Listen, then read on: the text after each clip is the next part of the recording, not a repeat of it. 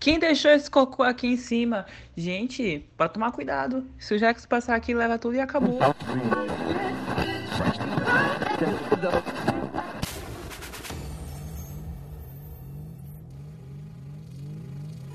Esta é a Rádio Drama Queen. Esta é a Rádio Drama Queen. Esta é a Rádio Drama Queen. Esta é a Rádio Drama Queen. Mm, yeah. É. Pensei em trazer pra minha vida. Olha que minha mente faz. Não há lugar ou tempo melhor. Veja como se alinham. No universo como Artemis é Apolo. Você caiu do céu no meu colo. E eu sei que você sabe que você é minha alma gêmea. Eu fico tipo.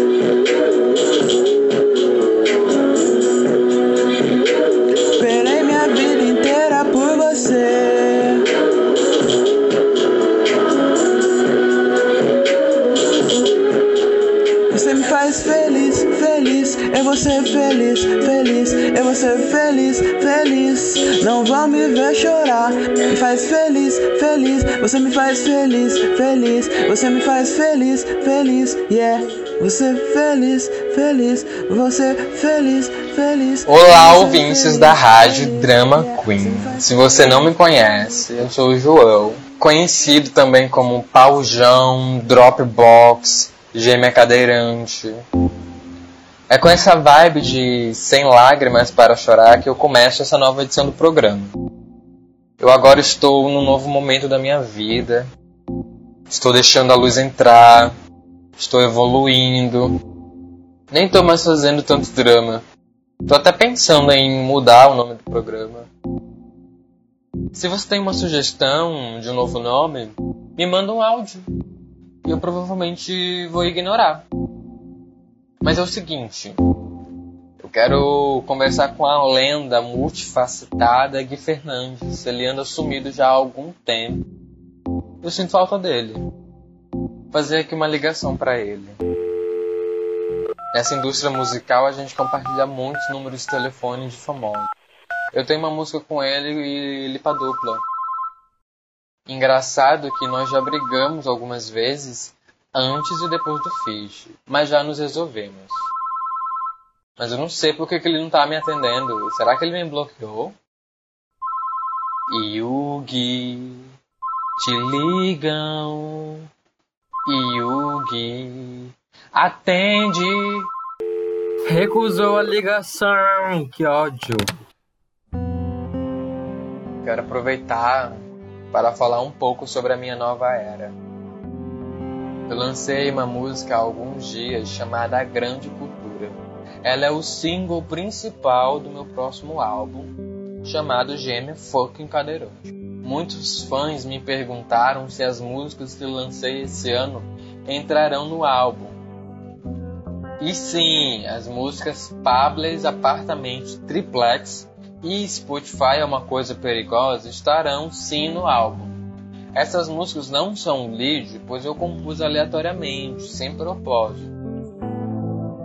Depois do lançamento delas, foi que eu comecei a escrever a história da Gema Cadeirante. E aí fui encaixando essas músicas na narrativa. O álbum tem 12 músicas e será lançado em janeiro. As músicas Bartender e Happiness is a Butterfly não entrarão no álbum, porque eu não consegui compor. Se você conseguir compor essas músicas para a história da Gema Cadeirante, vamos marcar uma sessão no estúdio e aí a gente termina a composição juntos e aí eu vou tirar o seu nome dos créditos e vou deixar que a composição só. Mas eu vou continuar trabalhando em, em A Grande Cultura, a música vai ganhar um remix, vai pras rádios. Só agora que a gravadora São Eles está começando a liberar o orçamento para os artistas. A Lipa Dupla já lançou De Volta para o Futuro, então isso significa que não precisa mais ter competição. Porque, né, Lipa Dupla é a galinha de ovos de ouro, já são eles recordes. Também quero informar que, infelizmente, a turnê da Gêmea Fucking Cadeirante vai passar por algumas mudanças nas datas. Os primeiros shows seriam em Florianópolis e Búzios, que estavam marcados para os dias 4 e 7 de janeiro, foram adiados. As novas datas serão divulgadas em breve. A turnê começa no dia 10 de janeiro em Trancoso. Agradeço a todos que estão ouvindo e divulgando a grande cultura. Eu mal posso esperar para que vocês ouçam todo o álbum. Mas chegou o momento musical do programa. Tá na hora de a gente ouvir Boteco, lead single do álbum Pomero New do Moro. Aliás, de fazer justiça por esse álbum, pois ele massacra sem dó o ponto de interrogação de cabeça para baixo. Depois da música a gente vai para o intervalo. O patrocinador do programa de hoje é o Ebert e ele gravou um recado para os ouvintes. Até mais! Você e eu no boteco, Coimbra, segurando uma Antártica, espuma gelada. Baby, você é tão sim. Divulga meu clipe. Explodiu uma bomba, o auge negou. Meu Deus, era single. Do Pocrão, era single. Pocrão, do Pocrão, era single. Andando pelas ruas, noite gelada. Encontrei um bar, não era limpo, parecia sujo. Vi dez ratos, não tive nem tempo de raciocinar. Peguei meu bacon, o jato foi muito forte, foi direto no meu olho. Ratos na cozinha, subindo pelas paredes. Eu não sei o que fazer. Eu perdi o meu bacon. Eu perdi o meu bacon. Eu perdi o meu bacon.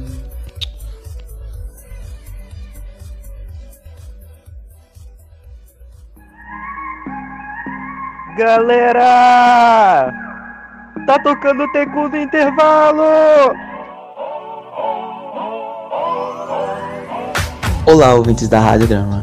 Aqui é o Everton e eu gostaria de passar para indicar como medida emergencial o álbum De Volta para o Futuro, onde eu participo da faixa Desfilando e queria convidar e encorajar você que está com depressão aí no seu quarto, agradeça a Deus e venha desfilar para botar toda a sua depressão para fora na faixa Desfilando com Lipa Dupla e Everton. Beijos!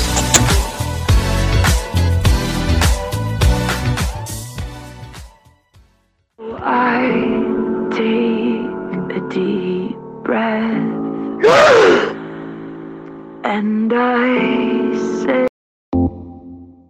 Voltamos com a Rádio Drama Queen. Esse bloco vai ser dedicado exclusivamente a fofocas, que é o que os humanos, ativos ou passivos, precisam para fazer a fotossíntese. Eu já peguei aqui o meu vinho e vamos fofocar muito, né? Porque vinho com fofoca combina muito. Eu estava vasculhando a caixa de entrada do programa e eu recebi uma mensagem do Jack sobre a Massa Neves. Infelizmente não tive tempo de apurar essa fofoca verdadeira. Mas ouçam o que ele tem a dizer. Gente, não sei se vocês sabem, mas a Massa Neves, ela estudava num colégio top em Ananindeua. Inclusive, onde estudava ali pra dupla. Você paga, sei lá, mil dólares para jogar sua filha no lixo? Tem a dó, né? Se você duvida do que ele falou, liga para o Jack. O telefone dele é DDD 81 998 245 073. Ele atende ligações a cobrar e o horário de atendimento é das 23 às 5 horas da manhã. Pode ligar que ele vai atender. Falando na Márcia Neves, depois do último programa da Rádio Drama Queen, ela me mandou uma mensagem. Queria dizer que a Lipa Dupla é uma merda sem talento, que copia os outros e que não tem capacidade pra começar e nem pra terminar uma era. Já fui alguém de respeito, já fui alguém que respeitava os fãs. Hoje em dia não serve pra nada, só serve pra te sair ir embora. E também dizer que quando o Doug voltar, vai provar pra todos o que é uma era de verdade, porque ele sim sabia servir. E quando ele voltar, meus amigos, guardem suas faves. Quem pegou um, pegou. Quem pegou, não pega mais. A Márcia tem alguns problemas de dicção, né? Pode ser que você não tenha entendido o que ela disse. Mas basicamente ela está tentando sabotar a Lipa Dupla a todo custo. E fazendo rivalidade com Doug. Prometendo que o comeback dele vai irritar. Eu espero que sim. Ô porra, meu telefone tá tocando, caralho. Ouvintes me perdoem, mas o programa é gravado ao vivo e eu preciso atender. Alô? Alô? Ô João, cancela tudo isso que a Márcia disse, tá bom? Olá, ouvinte da Rádio Drama Queen, tudo bom? Aqui quem vos fala é o Doug, como vocês podem perceber pela voz, e eu vou falar um pouquinho do porquê eu não pude lançar o meu álbum Borte Favela, sabe?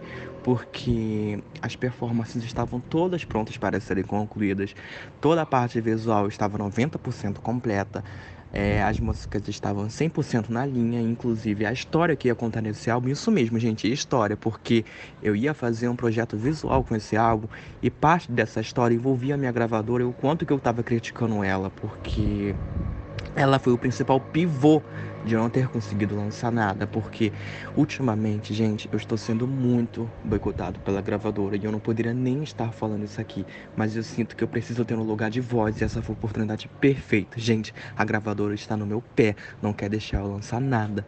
Toda e qualquer coisa, toda qualquer coisa, gente, que eu tô tentando lançar, ela não deixa. Ai, gente, sério, às vezes eu tenho vontade de deixar essa gravadora nas mãos do Moro, falar que ele é um artista super incrível, já que ele não lança porcaria nenhuma, e tudo que ele lança também é ruim, gente, vamos combinar. O analógico, gente, quem gostou daquele EP?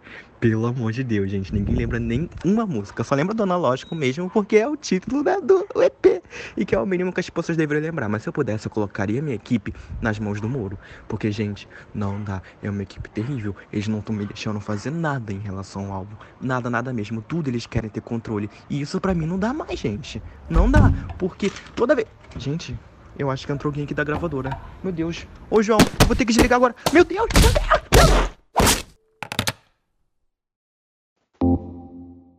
Caralho! Acho que a situação do Doug está pior do que imaginamos. Ele está correndo sérios perigos. Estou chocada em como ele foi de maior artista do mundo contemporâneo para ficar atrás até do Ives, Alan Veronese e João Pedro. Eu vou dedicar 3 segundos de silêncio à morte da carreira do Doug. Morreu novinha.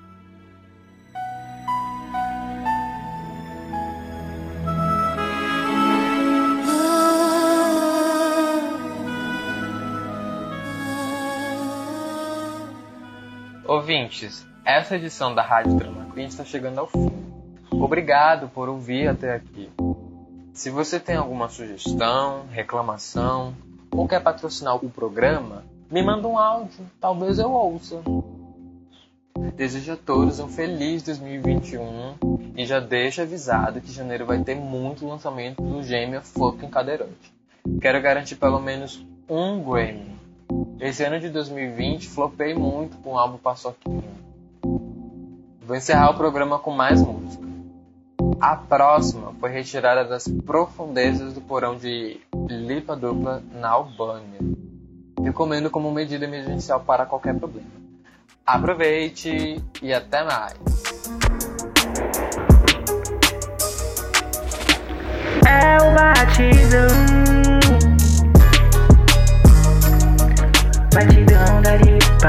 dupla que compõe super blue É o batidão oh, oh, da lipa dupla que compôs sem me ou de negar